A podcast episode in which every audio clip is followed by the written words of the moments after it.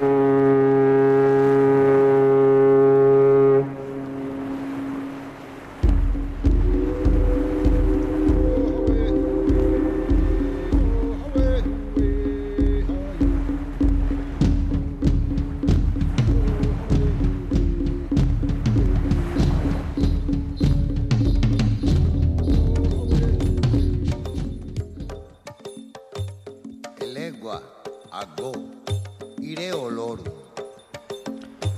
Bienvenidos a Levando Anclas, programa en la sintonía de Radio Euskadi desde marzo de 1984. Escuchamos la llamada de la mar, ahí están sonando las sirenas, las sirenas del puerto y ya estamos predispuestos a ir en busca de aventuras. Los invitados de esta nueva edición son, enseguida os lo cuento.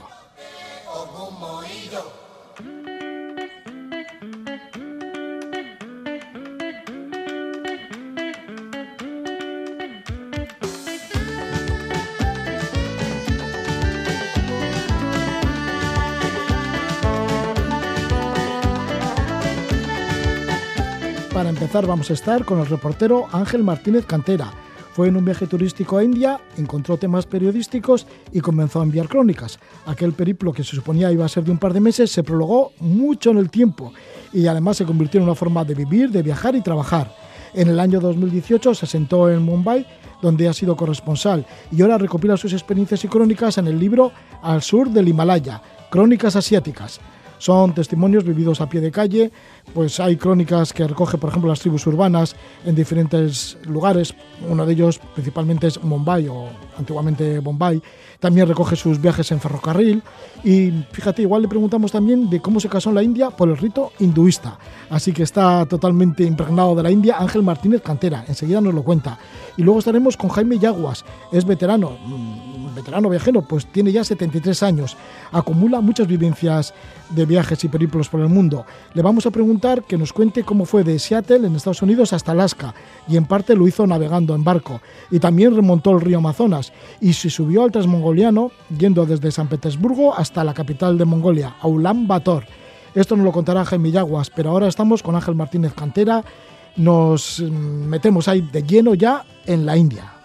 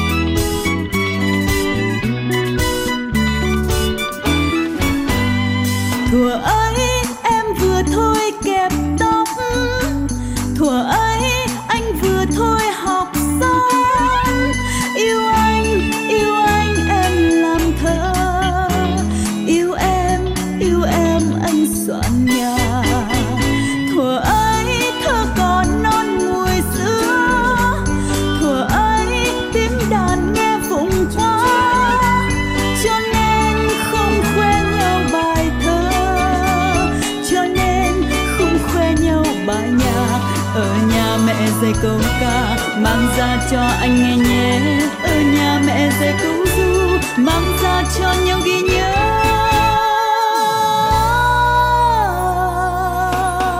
Lan huệ sầu ai lan huệ héo lan huệ sầu đời trong hát mời tôi từ đó ta thành đôi tình nhân. Từ đó ta cùng vui tình xuân yêu nhau es la cantante vietnamita Mike Coy. Una de las protagonistas de un libro del cual vamos a hablar ahora, que lleva el título de Al sur del Himalaya. Su autor es el periodista Ángel Martínez Cantera. Y a Mai Khoi, Ángel pues la ha entrevistado en Ho Chi Minh y luego más tarde también en Hanoi, en Vietnam. Y es que sí, vamos a hablar con el periodista Ángel Martínez Cantera, que ha ejercido de corresponsal durante nueve años en las regiones al sur del Himalaya. En 2018 se instaló en Mumbai, en India, donde ha sido corresponsal para el diario El País y para Radio Francia Internacional. En su labor profesional ha vivido la realidad de Asia desde su interior. Sus reportajes le han llevado a visitar los mayores slums de India, se ha despertado en la jungla de Indonesia, ha entrevistado a una diosa viviente en Kathmandú y al bisnieto de Gandhi ha conocido a los represaliados de Vietnam, a colaboradores en el genocidio de Camboya, a supervivientes del terremoto de Nepal. Recoge todas estas crónicas en este libro, Al sur del Himalaya. Ángel Martínez eh, nació en Linares, en Jaén, en el año 1984, pasó su infancia y adolescencia en Madrid y durante cinco años vivió en Londres, donde hizo el máster de Relaciones Internacionales. Y luego pues con el tiempo se fue allí a la India, fue en un viaje turístico, pero bueno, al finalmente se quedó. Y además de India y Nepal, pues ha estado por Sri Lanka, por Tailandia, por Camboya, por Filipinas, por Indonesia, Malasia, el mismo Vietnam, incluso se ha, se ha casado allí en la India. Bueno, pues recibimos a Ángel Martínez Cantera. Muy buenas noches, Ángel. Buenas noches, Roge. Encantado de hablar contigo y encantado de estar en, de haber sido invitado a un programa tan, tan bueno y veterano de la, de la radio española. ¿Qué tal? Ah, Ángel, pues nosotros encantados de estar contigo porque fíjate, casi una década viviendo ahí en, en Asia, mmm, en los últimos años en la ciudad de Mumbai. Esto tiene que representar mucho para, yo qué sé, para, para marcar toda una vida, ¿no? Quizá. Pues sí, ha sido un viaje, ha sido un viaje azaroso en, en, en su en su inicio y azaroso en, en su desarrollo también. No, no tuve ninguna intención de, de asentarme allí. Mi viaje inicialmente era digamos de exploración, turístico más bien, mis, mis estudios como has mencionado, eh, tenían, tenían el foco en otra región del mundo, pero por aquel entonces estaba un poco cansado de mi vida en, Londres y una amiga viajaba a India por unos tres meses, me, me preguntó si me quería apuntar, eh, así lo hice, intenté eh, contactar con algunos medios de comunicación, surgieron un par de reportajes y lo que inicialmente iba a ser un, pues ya te digo, un viaje turístico, digamos, de unos tres meses con, con alguna experiencia eh, de reportero eh, publicando para algunos medios se convirtió más bien en, en una forma de vida y en, y en un poco los, los, los viajes y los países que han mencionado, sí. Sí, porque eso se convirtió en una forma de vida, también de viajar, porque ya hablaremos también tu manera de viajar por estos países durante nueve años y también de trabajar. Mm, en el aspecto profesional, ¿qué te llamó la atención de la India para decir, bueno, aparte de este par de meses que estudié turista, aquí me quedo? Bueno, pues es, eh, es una región que, que definitivamente no, no tiene eh, el foco que debería tener en el, eh, en el contexto de la información eh, en Occidente y en particular en los medios de habla española. Eh, eh, ahora con, con la nueva con la nueva política americana centrada en, en el espacio Indo-Pacífico, puede ser que con el tiempo eh, se reoriente la información periodística eh, occidental hacia esa zona, pero también es comprensible que en el entorno de España, pues la mirada esté puesta en nuestras fronteras más cercanas, al, al, al norte de África, en, en, las regiones del mundo que comparten nuestra lengua, como Latinoamérica, pero es verdad que hay un desconocimiento muy importante acerca de la realidad de, de países del sur y del sudeste asiático y en particular de India, de eh, que es una de las potencias nacientes más eh, importantes del, del mundo, que será eh, líder también por, por Um, por la cantidad, por la población que tienen, por, la, por el impulso económico que, que tiene y demás en el futuro y que ya está siendo líder regional en el presente, pero sí, por falta de medios y por falta de, de atención, creo que hay un vacío de conocimiento acerca de esa región, sí. Así que los últimos años los pasaste como corresponsal en Mumbai, en la antigua Bombay, o se le llamaban Bombay, ahora Mumbai, la capital financiera de la India, y cuando llegaste la primera vez se te ocurrió hacer el primer reportaje sobre un barrio burdel, uno de los más grandes de Asia. ¿Cómo te metiste ahí? Pues fue también, eh, ya te digo, um, azaroso en el sentido de que busqué, aterrizaba en Mumbai, um, empecé a buscar temas que me pudiesen interesar y recuerdo que, que una compañera de la agencia Reuters, eh, una fotógrafa, Hazel Thompson, que en estos días de hecho está haciendo un, unos podcasts especiales acerca de eh, tráfico sexual en diferentes regiones del mundo. Por aquel entonces había publicado un reportaje fotográfico muy interesante acerca de, de la prostitución en Kamatipura, en este barrio de Mumbai, um, y me llamó mucho la atención. Me llamó la atención. Eh, eh, pues cómo funcionaba porque es un es un barrio eh, prácticamente creado desde desde que se levantó la ciudad con la llegada em, del colonialismo británico allí em, eh, un barrio digamos levantado por los emigrantes locales de los migrantes de la propia India y, y, que aunque no se conozca a nivel internacional tanto como otros barrios rojos del mundo, pues tiene tiene un entramado mafioso incluso de mm, eh, no solo de tráfico sino de esclavitud que daba a conocer una, uno de los aspectos más oscuros también de, de, la realidad de esos países, que no solo involucra a India, aunque principalmente eh, la mano de obra allí sea India, sino también a países vecinos como sobre todo Nepal. Y, mm, y bueno, el, la entrada allí fue, la verdad es que como también iba sin, eh, sin muchas expectativas, eh, habiendo leído todo lo posible, por supuesto, pero, pero no tenía esta intención añeja de viajar a India y demás, pues yo creo que tampoco no hubo ni frustración, ni, ni miedo, ni, ni nada de esos sentimientos cuando llegué allí. Tuve la ayuda desde el principio de ONGs locales y me facilitaron bastante el trabajo, sí. Sí, una de estas ONGs era un taller, es un taller de costuras para mujeres liberadas del tráfico humano. Pero bueno, sobre el tema del sexo sí que te has preocupado, por ejemplo, en otros lugares, ¿no? Por ejemplo, en las calles de Cebú, en Filipinas, de adolescentes que duermen en las calles, también el tráfico Correcto. humano, sexual, infantil, el cibersexo, todo esto en Filipinas. Sí, sí, sí, sí. Eh, bueno, pues es que en Filipinas, Filipinas ya era conocido Vietnam antes que Filipinas y yo creo más a nivel internacional porque, porque mm, eh, bueno, he dicho no, he dicho Vietnam, perdón, Tailandia.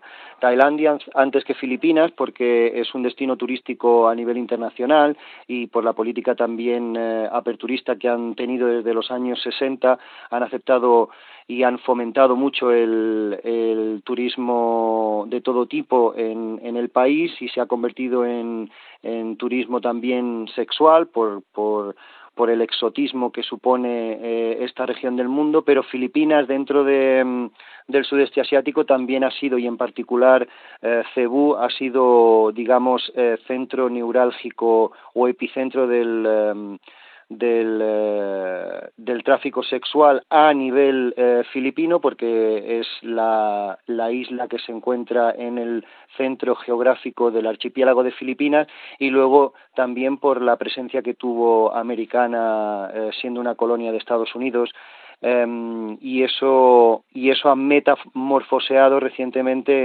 en, lo que se conoce como el cibersexo y, y el tráfico online que, que permite a los a los criminales y a los eh, pedófilos y pederastas eh, no necesitar viajar al país ni tener siquiera contacto físico con sus eh, víctimas, que son eh, normalmente menores de edad, eh, porque pueden cometer estos crímenes eh, de forma virtual, a través de, de videollamadas, claro. Sí, todos estos temas los tratas en una de las cuatro partes que contiene el libro. Son cuatro partes y la primera es los nadie. Y en busca de esos nadies, pues sí que has estado en estos barrios tan marginales, ¿no? Y luego también la manera de moverte ha sido muy de, no sé si de mochilero, pero bueno, pues utilizando el couchsurfing y utilizando también pues amistades y así, ¿no? En todos los países de la zona.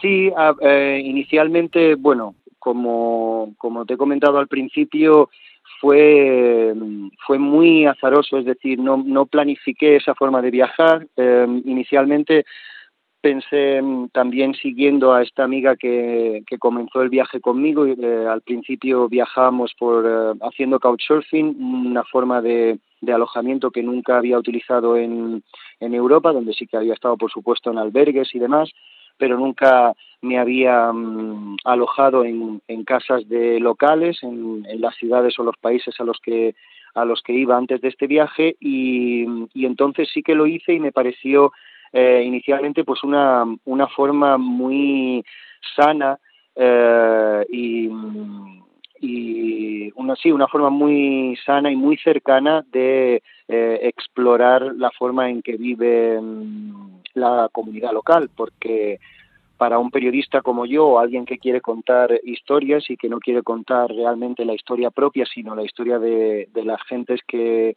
que viven en diferentes países y en diferentes comunidades, no creo que haya una mejor aproximación a la realidad que vivirla de dentro o que te la cuente gente que la vive de cerca. Y para eso hay que estar eh, más bien en casas de locales antes que en hostales y guest house y, hoteles. Eso no quita que no que no hiciese también otros viajes eh, alojándome, en, hospedándome en, hoteles y demás, porque había ciudades en las que no podía encontrar eh, couchsurfers, pero sí que um, esta experiencia, vivirla de esa manera, creo que me permitió, sin haber tenido el conocimiento previo y, y en ocasiones sin, sin estar eh, viviendo en el lugar durante mucho tiempo sí que me, me, permitió sumergirme, zambullirme rápidamente en la realidad local, algo que a lo mejor para quien se queda en un hotel o en un guest house pues le lleva más tiempo porque porque cuando vuelves a, al lugar donde te alojas pues eh, pues ya no vives la realidad que vive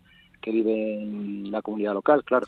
Para zambullirte también en grandes ciudades, como puede ser el caso de Mumbai o de Ho Chi Minh al sur del Vietnam, pues has seguido también a las tribus urbanas, ¿no? A la cultura urbana.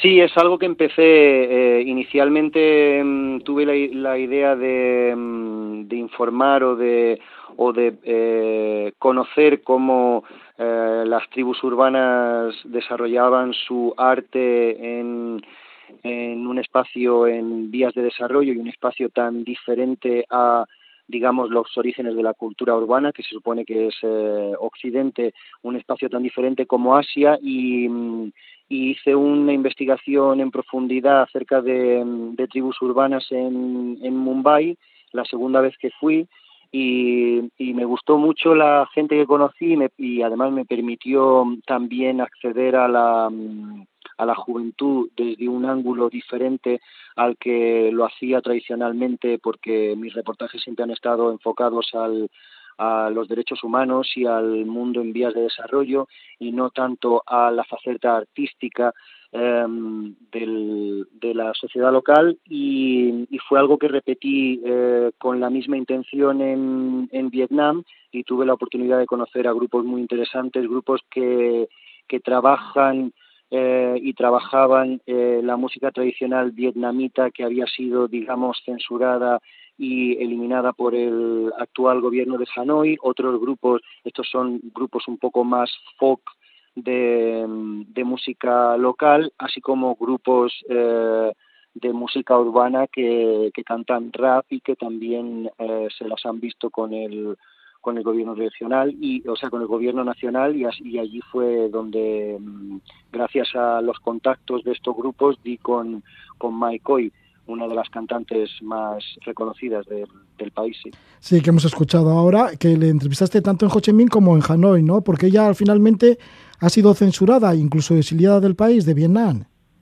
Pues sí, cuando la conocí yo regresaba después de un exilio voluntario que parece un, un oximorón. Eh, el caso es que, mm, que tuvo que irse a Australia, donde vivía su pareja y o donde vive actualmente también la familia de su pareja y estuvo allí un tiempo. Yo cuando la conocí coincidió que ella regresaba a Ho Chi Minh y allí fue fue donde tuvimos digamos la entrevista más formal y luego en Hanoi sí que tuve la oportunidad no solo de estar en su casa, visitarles a ambos, sino también de de atender a uno de los conciertos eh, digamos a puerta cerrada en una en un espacio eh, cultural, eh, digamos, fuera del, del, radar de las autoridades, que, que según tengo entendido, según conocí meses más tarde, eh, el tercer o cuarto concierto que hicieron allí fue cuando tuvieron redadas y el, el gobierno volvió a censurarla y ella tomó la decisión final de mudarse a Estados Unidos y creo que, sigue ahí hasta la fecha, sí. Pues sí, la cultura urbana en Ho Chi Minh o en Hanoi o también las tribus urbanas de hip hop en Mumbai es lo que ha sido retratando y también ha sido a encuentros algo más tradicionales, por ejemplo, la diosa viviente en Kalmandú. ¿Qué es esto de una niña diosa viviente? Pues es, eh, la verdad es que es una, historia de las más eh, curiosas que, que he hecho allí es una es, es una tradición, es una de las mayores tradiciones de Nepal.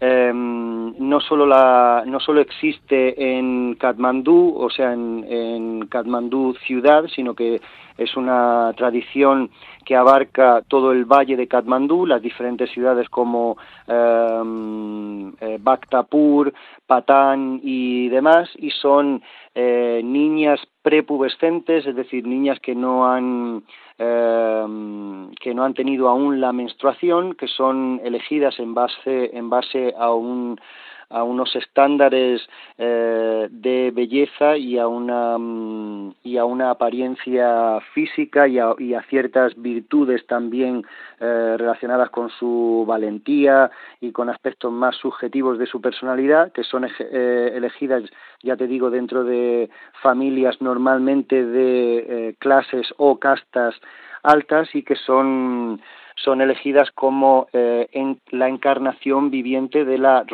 diosa eh, Telugu, en el caso de, la, de la Kumari real. Eh, este caso es especialmente particular porque además hasta que Nepal dejó de ser una, monarquía, que esto ocurrió recientemente, el rey y a día de hoy, aunque no tan marcadamente también el presidente de la República, se supone que eh, una vez al año, cuando sacan en procesión a la eh, diosa Kumari, también le pide consejo a, esta niña diosa para que le diga cómo, o sea, para que le asesore en la forma de gestionar la, la realidad terrenal de, de Nepal desde un punto de vista divino, digamos, y se basa en una larga tradición que se remonta a la dinastía uh, Shah de, de, de, Nepal, del reino de Nepal. Sí. ¿Y hay un protocolo para acercarte a esta niña diosa? Pues sí, bueno, eh, es, es, el ángulo que más me interesó a mí, más allá de, de la tradición y la leyenda, que es, eh, digamos, pintoresca y que, y que se, la, se, la explican a los visitantes, los guías turísticos con más o menos detalle. Eh, a mí lo que me interesó era el, el, enfrentamiento y el encontronazo que esta tradición suponía con la realidad eh, moderna de Nepal y la violación de los derechos de eh, la mujer y de la infancia, porque eh, la niña hasta que eh, cumple la edad de tener menstruación está completamente aislada de la sociedad, de manera que hasta no hace tanto eh, no podía ni, ni asistir a la escuela ni tenía um, educación formal, lo que hacía que muchas de ellas, es el caso de eh, Sharmila, a la que entrevisté ya de adulta, pues eh, ella me contó que cuando, cuando dejó de ser niña Kumari y, salió de, su encierro, digamos, no sabía cómo comunicarse con la gente, desconocía la realidad, le asustaba el claxon de, los coches, que por otro lado es, eh, ensordecedor en el sur de Asia, y, no solo eso, bueno, es que suponía un, digamos, um, un, uh, un, deterioro del, de, lo que es el desarrollo cognitivo eh, de una persona, claro. Y, y hay activistas locales eh, de la propia comunidad Newari, que es la comunidad eh, principal del Valle de Katmandú, que están intentando cambiar la tradición sin erradicarla, es decir, eh, modernizar la tradición de manera que estas niñas al menos puedan acceder a la escolarización eh, digamos, eh, privada, que tengan un profesor que vaya al, al, templo y a la casa en la que viven para que puedan estar eh, educadas. Y también los hay eh, otros activistas que quieren transformar completamente la tradición y, que y empujar o, intentar que las niñas también eh, accedan a la escuela como cualquier otro niño porque no deja de, ser, de formar parte de la escolarización no solo eh, el aprendizaje per se sino también la socialización que eh, pues la infancia los niños tienen con, con otros niños de su edad y de su entorno Estas niñas diosas vivientes de Nepal son parte de esas crónicas asiáticas que aparecen en el libro Al sur del Himalaya. Estamos con el autor de Al sur del Himalaya, con Ángel Martínez Cantera. Durante nueve, años ha estado en las regiones al sur del Himalaya. Últimamente, en el año 2018, se instaló en Mumbai, en India, y a partir de ahí, bueno, y anteriormente, pues ha estado moviéndose por todas estas zonas, ¿no? De, de India, Nepal, Sri Lanka, Tailandia, Camboya, Filipinas, Indonesia, Vietnam, Malasia. Incluso te has llegado a casar, bueno, te has casado allí, ¿no? Con, con tu mujer, con su Bangi Berma, que os fuisteis a vivir a, a Mumbai, pero parece ser que si no estabais casados no podéis vivir bajo el mismo techo. Correcto, sí, sí. Sí, es una cosa que incluso eh, ella también desconocía en, tanto en cuanto uno espera de Mumbai siendo, eh, como tú has mencionado anteriormente, la capital del entretenimiento y la, capital financiera del país y también la ciudad que por eh, incluso desde el punto de vista geográfico es una capital que da al mar, siempre más expuesta a las nuevas tendencias, receptora de, de nuevos bienes, servicios, ideas y demás. Eh, ambos esperábamos que fuese una ciudad más em, abierta y más transigente con respecto a las tradiciones que se, que se observan en el país, pero nos dimos cuenta al poco de asentarnos allí de lo difícil que era para, mm, para una pareja no casada el encontrar piso. Normalmente lo que hacen, lo que hacían y siguen haciendo algunos de nuestros amigos que están solteros y quieren vivir juntos, o es em, básicamente eh, mentir a los a los propietarios, decirles que son familia, porque eso sí que se acepta y es cierto que, mm, que Mumbai, aunque, aunque sea más cosmopolita que otras ciudades, pues sigue manteniendo eh, férreas tradiciones en relación pues eh, a la mm, estratificación y a la división social. Eh, hay barrios completamente musulmanes en los que prácticamente no viven hindúes, no porque los musulmanes a veces no quieran que vivan, sino porque es una decisión por ambas comunidades para no mezclarse y a la inversa, así como hay eh, propietarios que por supuesto no quieren que vivan eh, hombres y mujeres juntos y las chicas viven en una casa, los chicos viven en otra, así como hay propietarios que no nunca alquilarán su casa a eh, actores aspirantes a Bollywood, este, en este caso porque entienden que, mm, que van a, pues hay altos porcentajes de fracaso y de posibilidades de que no lleguen a pagar la renta. Así que sí, la sociedad, incluso en Mumbai, siendo, ya te digo, una de las una de las ciudades más importantes de toda Asia y más grandes de toda Asia, eh, sigue habiendo esta, estas tradiciones y esta segregación social, sí. Ángel, que te casaste por el rito hindú, la ceremonia duró tres días. Bueno, pues estas son un montón de esas vivencias que has tenido durante nueve años en India como corresponsal periodístico. Todavía quedarían muchas cosas más para preguntarte. Bueno, cantidad de ellas, ¿no? Por ejemplo, la entrevista que hiciste a Tushar Gandhi, bisnieto de Mahatma Gandhi, en su casa de Mumbai. Pero bueno, ahí está la entrevista para el que quiera acercarse a este libro, Al sur del Himalaya, Crónicas Asiáticas, lo edita Kailas y estamos con su autor, con Ángel Martínez Cantera, al que le damos pues las, las, muchísimas gracias por estar con nosotros y comentarnos algunos de los aspectos que ha conocido en estas crónicas asiáticas. Muchas gracias, Ángel Martínez Cantera. Muchas gracias a vosotros. Buen día.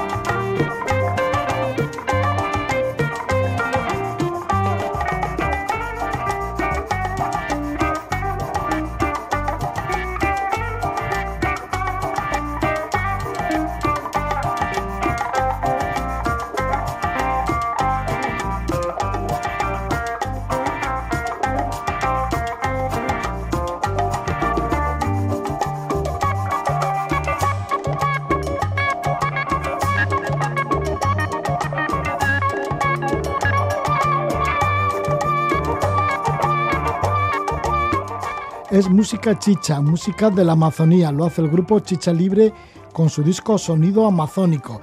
Y es que entre otros sitios nos vamos a acercar al río Amazonas, una navegación desde Leticia hasta su desembocadura en Belén, en Brasil.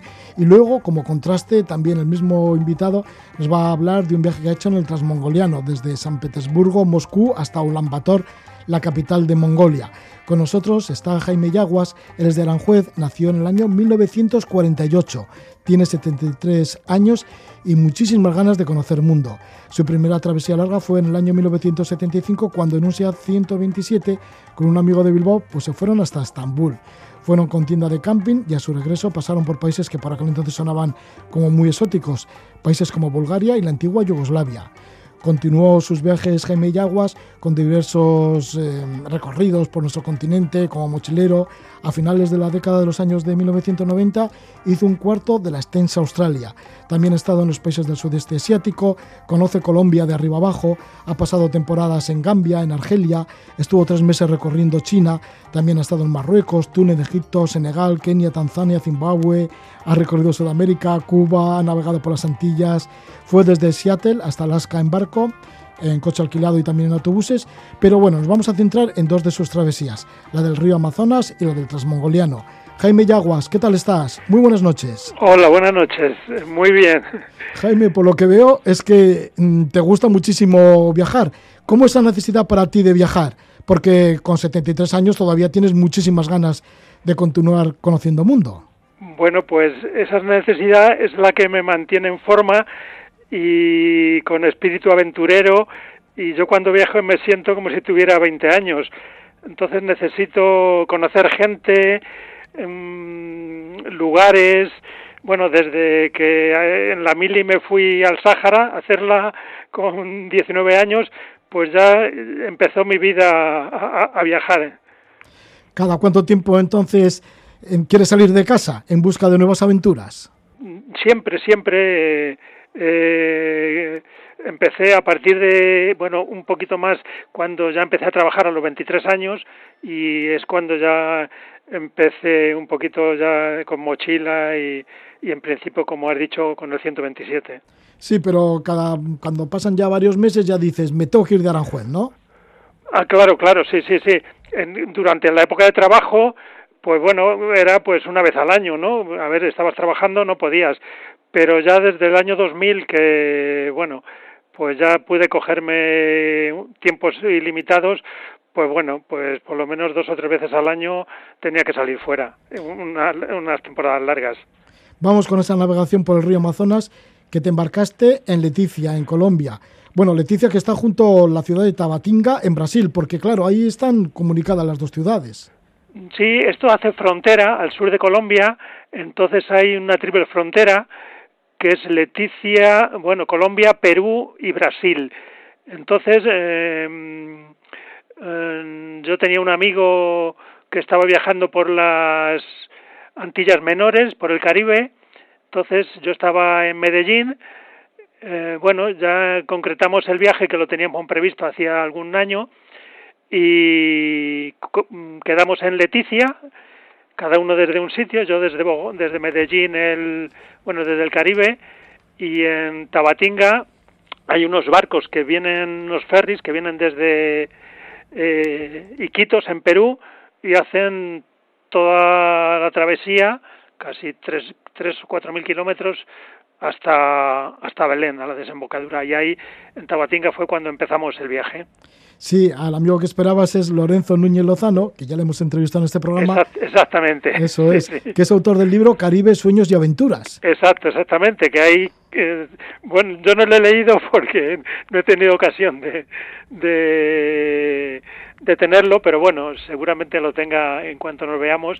Y entonces mm, también yo estuve una semana con ellos, en, en, cuando él estaba en el Caribe, en San Vicente y las Granadinas, unas de las islas, pues bueno, yo estaba también en Medellín y bueno, y estuve pasé una semana con ellos en el barco. Sí, Lorenzo, que ya nos comentó su libro Caribe, Sueños y Aventuras, y además nos comentó cómo fue juez que dejó la profesión para dar una extensa vuelta al mundo, que le ha llevado ocho años. Y Lorenzo, pues bueno, pues tenía una vena tremenda por navegar y se compró un barco, primero lo alquiló y luego se compró un barco para navegar por las Antillas.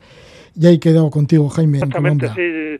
sí. Joel eh, ha hecho, bueno, ha ha estado dos años, estuvo dos años tra- viajando, entonces yo le localizaba, oye, ¿dónde estás? Pues en tal sitio, bueno, eh, que voy para allá. Entonces me unía a su largo recorrido, ¿no? Sí, sí. Bueno, y en este caso, pues eso, que tú estabas en Medellín, él venía de las Antillas, y os juntasteis en Leticia y empezasteis a navegar. ¿Cómo es un barco? ¿Cómo era el barco con el que fuisteis remontando el estos Amazonas? son, son unos ferries en que tienen tres plantas, que navegan por todo el Amazonas. La parte baja del barco es todo un barco de mercancías, mm, pues con arroz, con patatas, pues porque eh, el sistema de transporte por ahí, claro, no hay carreteras, es todo selva. Entonces todo el transporte de mercancías tiene que tiene que hacerse a base de barcos entonces, ferries. Entonces, bueno, estos ferries en la, en la parte de abajo llevan mercancía, también aprovechan porque hay diferentes precios, también va, hay gente que va, luego tienen otra planta donde tú acoplas las hamacas, que se pueden caber, yo que sé, 100 hamacas o por lo menos colgadas, tra- atravesadas. En, y luego la parte de arriba tiene un pequeño bar, un comedor, y bueno, toda la parte donde se está como una terraza, una enorme terraza, y bueno, y luego tiene varias cabinas, camarotes pequeños, que pues bueno, si alguno quiere eh, pagar más, pero su- su- suelen ser bastante caros.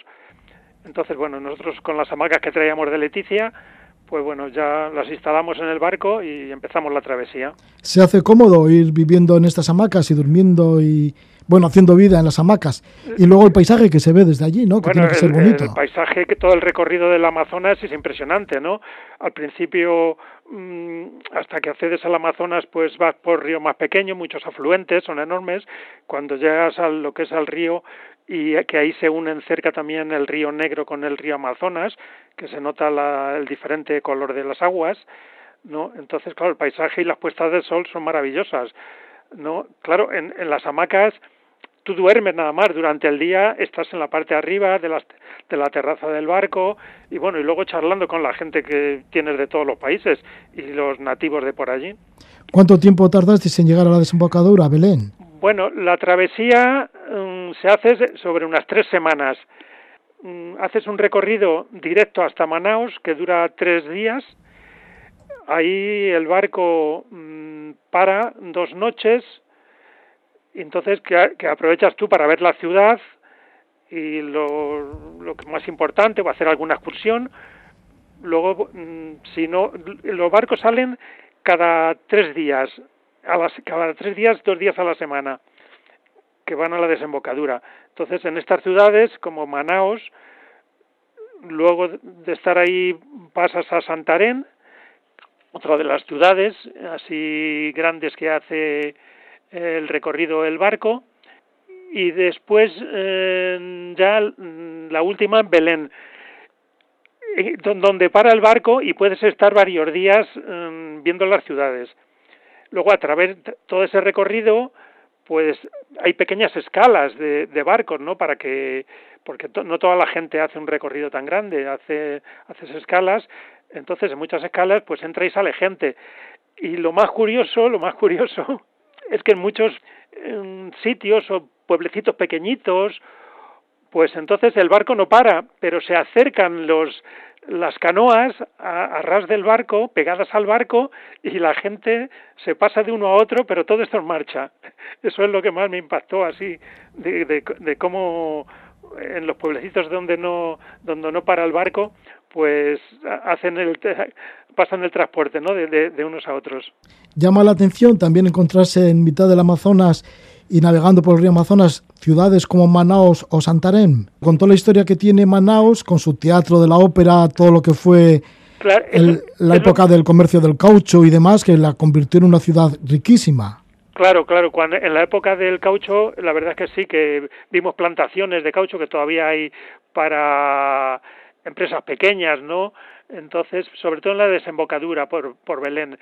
En Manaos, mm, lo más se nota que, que esa época pasó, ¿no? Está un poco ya la ciudad un poquito abandonada, y lo más importante que tiene es el, el teatro de la ópera, ¿no? De, en aquella época, en 1900 o por ahí, que sería a principios de, del siglo XX, XX, sí. pues que era lo más importante que, que, había. ¿Qué gente conoces en este barco? Cuando estás tumbado yo en la hamaca o cuando te estás moviendo por el barco, ¿hay gente variopinta? Sí, sí, sí, hay de todo, de todos los países, te encuentras muchísima gente europea, australiana, argentinos, europeos. Bueno, entonces ahí, eh, en cuanto estás tumbado en una mesa o en el comedor, pues siempre eh, te encuentras gente joven de todas las edades. Bueno, eso es lo que más, a mí más me llena, ¿no? Sobre todo de, de conocer gente. Sí, porque algunos llegaban de más lejos todavía, ¿no? Porque también muchos se suben en Iquitos, que está en Perú, sí, que está mucho más arriba del, del río Amazonas conocimos a una chica argentina, venía desde Iquitos y bueno, además es que era una chica muy simpática, muy agradable, muy abierta y bueno, venía ya sola eh, haciendo todo el recorrido y a partir de Leticia, pues bueno, era de entre y, y otro, un chico francés también venía y un argentino entonces, y con Lorenzo, pues bueno, casi siempre estábamos juntos, ¿no? Charlando y, en, y luego cuando desembarcábamos en Manaus, en Santarém, pues bueno, buscábamos los sitios, los hostales o los albergues juntos. Hicimos todo ese viaje, todo ese recorrido juntos. ¿Cómo llegar navegando del río Amazonas después de varias semanas, llegar a la desembocadura, llegar a la ciudad brasileña de Belén? Bueno, también Santarém y, y manos son brasileñas. Pero ¿cómo es la desembocadura? Será gigantesca, ¿no? Será bueno, como, bueno, ya entras en el mar y el Amazonas se perderá. Claro, esto es, la desembocadura del Amazonas es, bueno, eso es como, es un delta enorme, grandísimo, con muchísimos ríos, eh, muchos brazos, ¿no? Hay muchísimas islas grandes.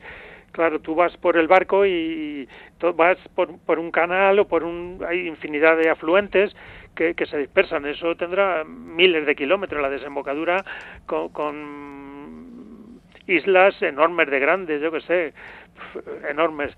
Belén está, no está en la desembocadura mismo del Amazonas, está un poquito anterior, pero bueno, ya ahí el, eh, desde un, el puerto de Belén no ves la otra orilla. Claro, esto es enorme, tendrá kilómetros y kilómetros. O sea, es, Belén es una ciudad muy moderna, con rascacielos, no es lo que habíamos visto anterior, que es más de selva, ¿no? De las ciudades más típicas del Amazonas. Belén es una ciudad muy moderna, cuando ya entras a la desembocadura ves los rascacielos, entonces es, más europea, así, ¿no? Pero también muy diferente a lo que pueda ser por Europa. Estamos con Jaime Yaguas, nos habla desde Aranjuez y nos está hablando de esta remontada que hizo del río Amazonas en un ferry durante tres semanas desde Leticia hasta la desembocadura en Belén. Y ahora pues vamos con otro viaje que has hecho bien bonito como es el Transmongoliano. Esto lo hiciste entre enero y febrero de 2018. En esta ocasión lo hiciste en solitario. Lo hice solo, me apetecía mm, hacerlo además en invierno porque ya otros viajes que había hecho anteriores pues había estado por el sudeste asiático y toda esta zona y había pasado mucha calor. Entonces me apetecía ir por Siberia y toda esa zona, pero con mucha nieve y con mucho hielo. Entonces eh, me fui desde mitad de enero, estuve unos 35 días desde mitad de enero a mitad de febrero del 2018. Empezaste en San Petersburgo y te fuiste hacia Irkutsk. Irkutsk que está ahí en Siberia. Exactamente, hice no el transiberiano recorriendo toda Rusia, sino el transmongoliano. Entonces eh, hay una parte que va, que va desde San Petersburgo, pasando por Moscú, Ekaterinburgo, que esa ciudad es, me gustó esa ciudad, es muy bonita porque mm, además de todas las que vi, es la que más me gustó. Claro, en, en invierno, en, en verano será muy diferente, supongo yo, pero me gustó mucho porque iba leyendo un libro que trata un poco de la historia de los zares rusos de John Boyne, que escribió un libro que se llama La casa del propósito especial, que es un poco sobre la vida de los de los zares, del último zares rusos, los Romanov. Entonces me fui leyéndolo y según iba en el tren, pues lo que iba leyendo lo iba viendo en el paisaje. Entonces mm, me sentía muy bien, ¿no? De, pues, recorrer esa zona y, y hacerme la idea cuando lees un libro te estás imaginando, pero en este caso, además de imaginarlo, estaba viendo el paisaje en directo. Sí, hay en Ekaterimburgo, en donde fusionaron los últimos zares. exactamente. Y luego llegaste también a Novosibirsk, que ya es una ciudad como más industrial. Entonces, la siguiente parada, estuve tres o cuatro días en cada ciudad, la siguiente fue Novosibirsk, es una ciudad muy industrial, muy contaminante, eh, me gustó menos, pero bueno, las partes antiguas siempre tienen algo interesante que ver, hay museos. Una cosa muy que me gustó mucho fue un, un museo de trenes de todas las eh, máquinas que usaron en, en, hacer la vía férrea, ¿no? Desde Moscú a, Vladivostok. Pues entonces en, en Novosibirsk tienen un museo al aire libre que es toda la maquinaria y máquinas que, que usaron mm, en, en, hacer la vía la vía esta, ¿no? La ruta del Transiberiano. Siguiendo el Transiberiano llegaste al lago Baikal y Irkutsk, Irkutsk que ya está cerca de, de Mongolia. Claro, mm, ya la siguiente parada fue Irkutsk.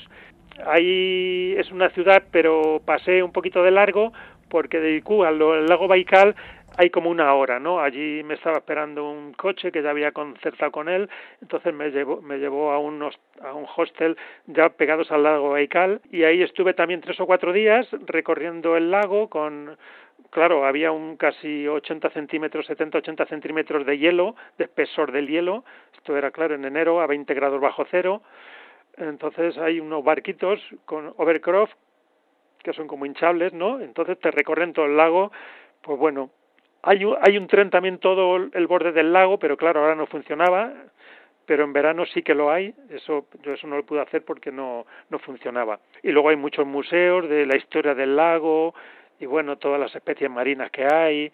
Vamos, es, es una zona muy interesante. Ya te faltaba pasar a Mongolia y llegar a la capital de Mongolia, Ulan Bator. ¿Ahí tomaste otro tren desde Irkutsk a Ulan Bator? Exacto, desde Irkutsk tomé un tren que ya en la parte eh, que va a Mongolia, no hay muy poco en esa época muy casi nada de turismo.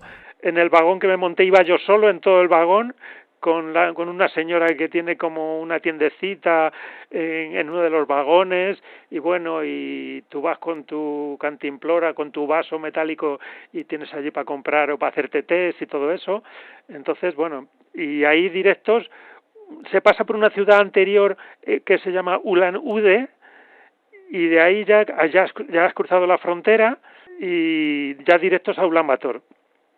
En Ulaanbaatar estuviste durante varios días, estuviste alojado en albergues y luego ya te fuiste a recorrer el desierto del Gobi y dormiste en yurtas. ¿Están preparadas las yurtas para los turistas o cómo lo hiciste? ¿O fuiste a yurtas que viven los nómadas allí en familia haciendo su vida? Sí, desde el mismo albergue de Ulaanbaatar, ahí cuando llegué ya había contactado con ellos, entonces ellos me prepararon una excursión de una semana, ocho días, por la, el sur de Ulan Bator, todo en el desierto del Gobi.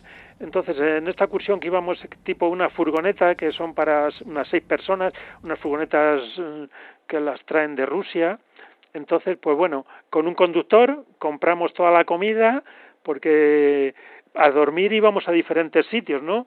Entonces estuvimos durmiendo en varias yurtas de, de gente nómada que todavía vive en el desierto tienen camellos, tienen caballos, tienen cabras, entonces, bueno, hay gente que no se mueve o se mueve muy poco, no es como antes que a lo mejor tenían que moverse bastante, ahora se mueven menos eh, con las yurtas.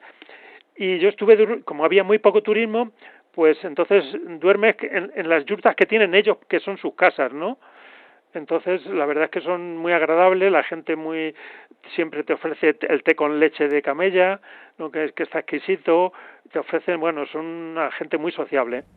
Estamos con Gemellaguas, nació en el año 1948 en Aranjuez, nos habla desde allí, desde Aranjuez, y ha hecho cantidad de viajes desde el año 1975, cuando se fue en un SEAT 127, conduciendo un SEAT de aquella época, pues se fue con un amigo de Bilbao hasta Estambul y desde entonces pues le encanta viajar, sobre todo a partir del año 2000, no para de viajar, nos ha comentado cómo remontó el río Amazonas desde Leticia hasta Belén y ahora cómo tomó el transmongoliano, empezó en San Petersburgo y terminó en Ulan Bator, llegando hasta el desierto del Gobi. Jaime Yaguas, bueno, pues que sigan tus grandes viajes. Se nos han quedado muchos de ellos. Por ejemplo, uno bien bonito que hiciste desde Seattle, en Estados Unidos, hasta Alaska, pero bueno, será para otra ocasión.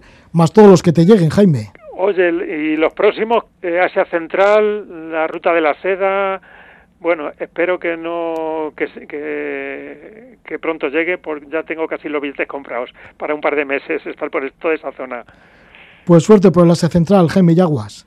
Oye, pues muchísimas gracias y animo a toda la gente, aunque tenga la edad, mm, que sea como yo, de 60 o en adelante, pero que tenga el espíritu joven y que no deje de viajar, que es para mí es lo que me da la vida. Pues que sigas con ese espíritu joven, Jaime Yaguas. Venga, muchísimas gracias.